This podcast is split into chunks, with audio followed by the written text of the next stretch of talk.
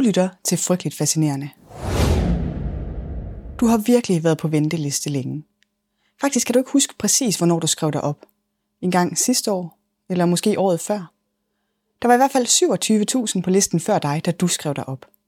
Heldigvis er der også en del frafald, men alligevel 27.000 på listen. Det er virkelig mange. Så da du for en måneds tid siden fik beskeden om, at det snart var dig, der stod øverst på listen, så tøvede du ikke et sekund. Bookede flybilletter med det samme. Fandme om du skulle forpasse chancen. Velkommen til det her afsnit af Frygteligt Fascinerende Kort Fortalt, hvor vi dykker ned i McCamey Manor. Frygteligt Fascinerende er en podcast om alt det frygtelige, som alligevel fascinerer os. Her i Kort Fortalt giver en kort intro til noget frygteligt fascinerende fra nær eller fjern historie. Velkommen til.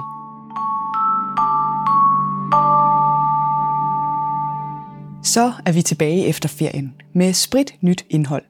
Slut med genudgivelser og genarbejdning og remastering.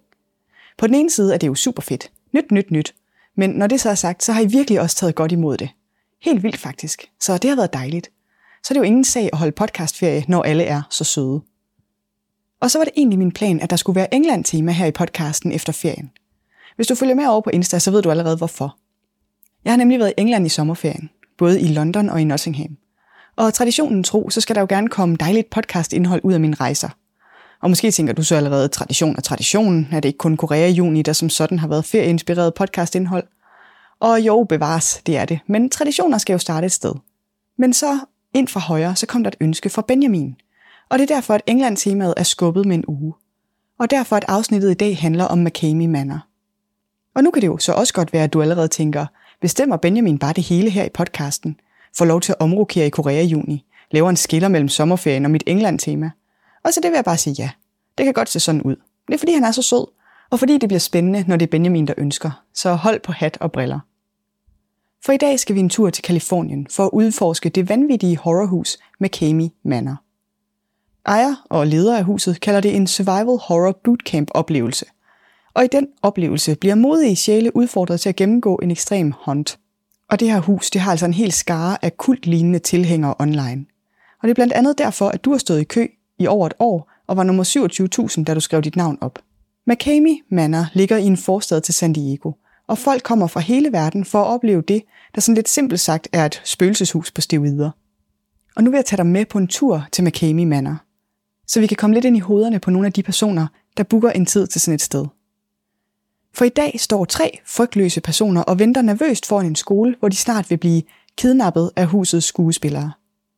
Skuespillerne er alle sammen frivillige, der selv har prøvet turen, og som nu glæder sig til at påføre andre den samme lidelse, eller jeg mener, give andre den samme oplevelse. Den første skuespiller er klædt ud som en form for uhyggelig skovhugger. Stort skæg, t-shirt, ternet skjorte, blodstænk ud over det hele. I hænderne har han sin økse og en tyk plastikpose. Helt perfekt i størrelsen til for eksempel at trække ned over hovedet på nogen. Den anden er en lige så stor mand, også med skæg, næsepiercing og tatoveringer, og han er også klar til at give gæsterne en oplevelse, de nok ikke kommer til at glemme lige forløbig. Makami Manor har eksisteret i mere end 10 år, og hver eneste weekend bydes gæster indenfor og udfordres til at gennemføre en 8 timer lang mareridtstur. Marinesoldater, kampsportsudøvere, politifolk og mange andre har prøvet, men der er ikke nogen, der har klaret de fulde 8 timer. Det hele bliver dokumenteret på YouTube, hvor du kan se gæsterne klynke og ryste af skræk og tikke om noget, mens de gennemgår torturen. Jeg mener, turen. Ross McCamey er hjernen bag hele projektet. Og han er, som du måske allerede kan forestille dig, lidt af en showman. Han arbejder til daglig som bryllupssanger og bor i en forstad og har kone, børn og hunde. I huset har han indrettet et dunkelt kontor fyldt med horror memorabilia. Han forklarer, at ideen til McCamey Manor er en oplevelses horror bootcamp, som kan sætte folk igennem et ægte mareridt. For ham handler det om at skabe en filmisk oplevelse, der får folk til at føle, at de lever i deres egen gyserfilm. Huset drives som en non-profit organisation, og det tager kun imod ganske få gæster hver weekend. Hint de lange ventetider. Og det er virkelig ikke for sarte sjæle. Som i virkelig ikke. Alle underskriver en kontrakt, inden de går ind. Og den kontrakt er sådan helt perfekt amerikansk. McCamey Manor er ikke ansvarlig for, hvis du kommer til skade, får veje men eller dør under oplevelsen. Den slags. Vi har lov til at slå dig, torturere dig, overskride dine grænser og alt muligt andet. Turen er fyldt med fysiske og psykiske udfordringer, der presser gæsterne helt ud til kanten af deres grænser. Hverken McCamey eller hans frivillige skuespillere sparer på noget som helst for at nedbryde gæsterne, indtil de næsten ikke kan klare mere. Og det hele begynder, når gæsterne underskriver den her ansvarsfraskrivelse. Fra det øjeblik er der ingen vej tilbage. Derefter står det ellers på timevis af udfordringer, som både er af psykisk og fysisk karakter. På billeder af deltagerne efter oplevelsen kan man blandt andet se, at de har fået revet dele af deres hår af, er smurt ind i blod, enten teater eller deres eget. De ser forhudlet og beskidte ud. Noget af det mest ekstreme i huset foregår på et obduktionsbord og involverer en stor tantel. Og det er selvfølgelig i sin basisform en type af skuespil eller teater. Hos McCamey kalder de også deres frivillige for skuespillere. Men det er jo ikke kun teater. Man kan nok godt tale om, at det er lidt mere end det. Gennem tiden har der været en del forskellige kritiske stemmer, som har anklaget McCamey og hans skuespillere for at være sadister, der bare har fundet en perfekt måde at udleve deres private ønske om at gøre skade på andre. Og som i øvrigt også stiller sig kritisk over for sikkerheden i hele foretagendet. Det afviser McCamey selv, som mener, at det er en teaterperformance uden reelle veje skader. Og så er han jo ikke som sådan typen, der tager al mulig kritik til sig. Han har nemlig for nylig besluttet, at han gerne vil kommercialisere McCamey Manor. Med den kæmpe venteliste og den interesse, det lykkedes at skabe omkring det, kan det virke som det næste oplagte skridt. Men det er åbenbart ikke lige sådan til at kommercialisere et torturhus. Det er der, surprise, alle mulige regler for. Særligt i delstaten, hvor huset lige nu er placeret. Så han er på udkig efter en ny placering, for at trække lidt i en delstat, der ikke har helt lige så stramme regler for, hvad man må tjene sine penge på. Men egentlig er det sgu meget fair med den slags regler. For potentielt set er stedet i sin natur farligt, og der er risici for deltagernes helbred. De her skuespillere er jo ikke som sådan uddannet til at håndtere nogle af de her risici. De er faktisk ikke nødvendigvis uddannet i noget som helst, hverken psykologi eller grænser eller førstehjælp. Men alligevel er McCamey Manor en del af en voksende tendens inden for ekstreme oplevelser, hvor folk underskriver ansvarsfraskrivelser og betaler for at blive udsat for noget uhyggeligt, farligt eller ubehageligt. Og det kan jo lyde som en slags torturporno, og nogen sammenligner det med film som Saw og Hostel – bare endnu mere intenst og på egen krop.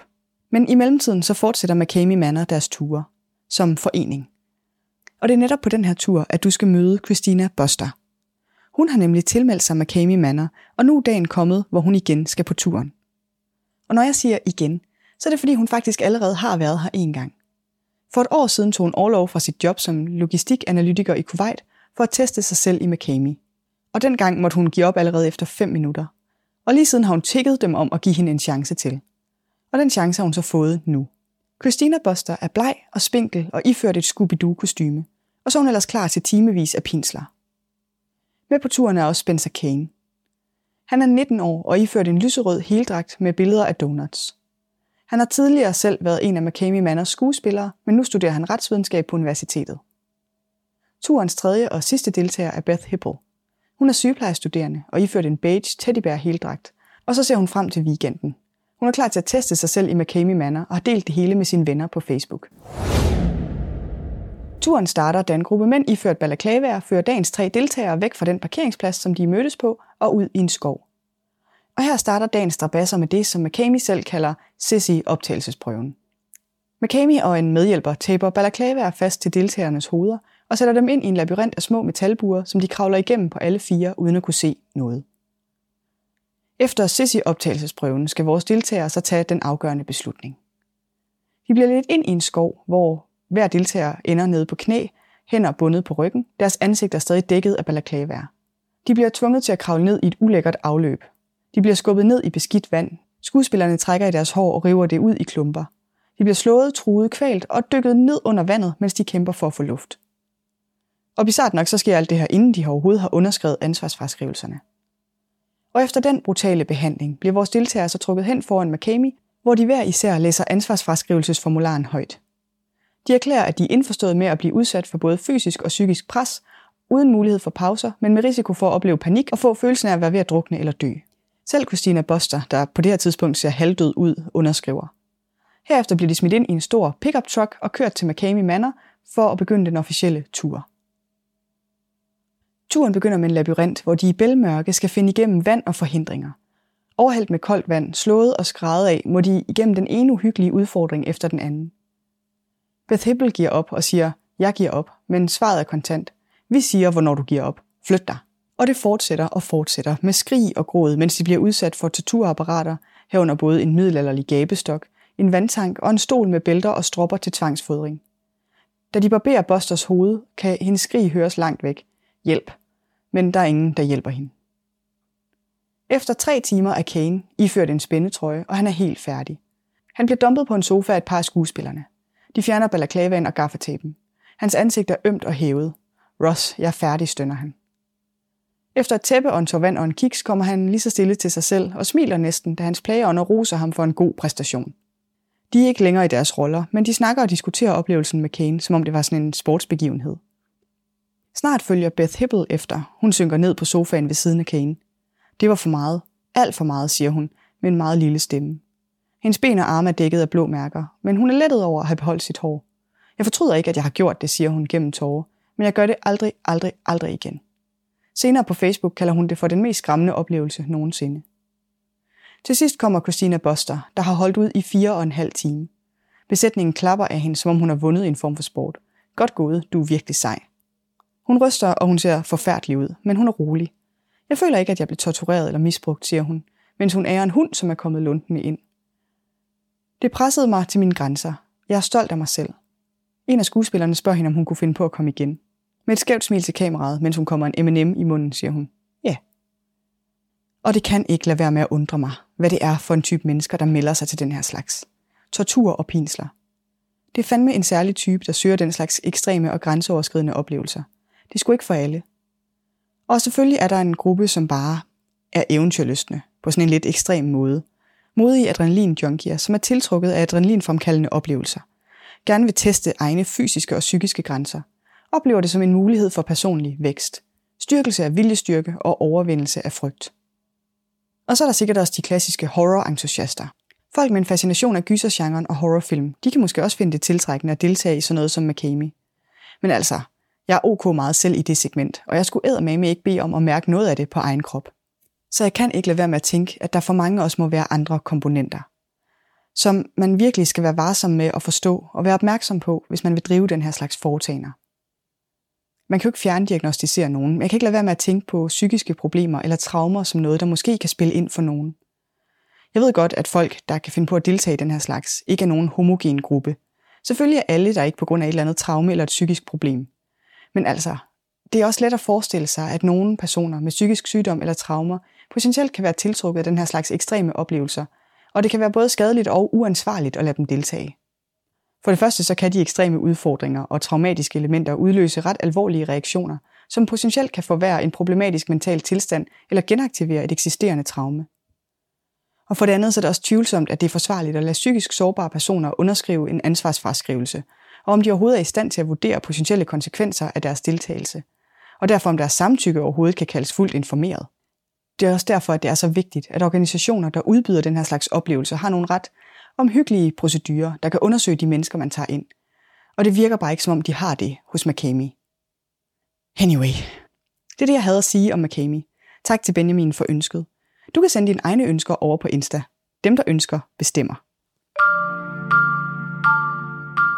Det var lidt om McCamey Manor, kort fortalt er frygteligt fascinerende. Researchet skrevet og redigeret af mig. Jeg hedder Maria. Næste afsnit kommer allerede i næste uge, og du kan høre det i iTunes, Spotify eller der, hvor du normalt lytter til podcast. Der er tre ting, du kan gøre, hvis du gerne vil støtte min podcast. Du kan dele den på Instagram eller Facebook. Du kan sende den til en ven, der trænger til at blive frygteligt fascineret. Og så kan du give den en anmeldelse i din podcast-app. Jeg sætter uhyggelig stor pris på alle tre. Tak for nu.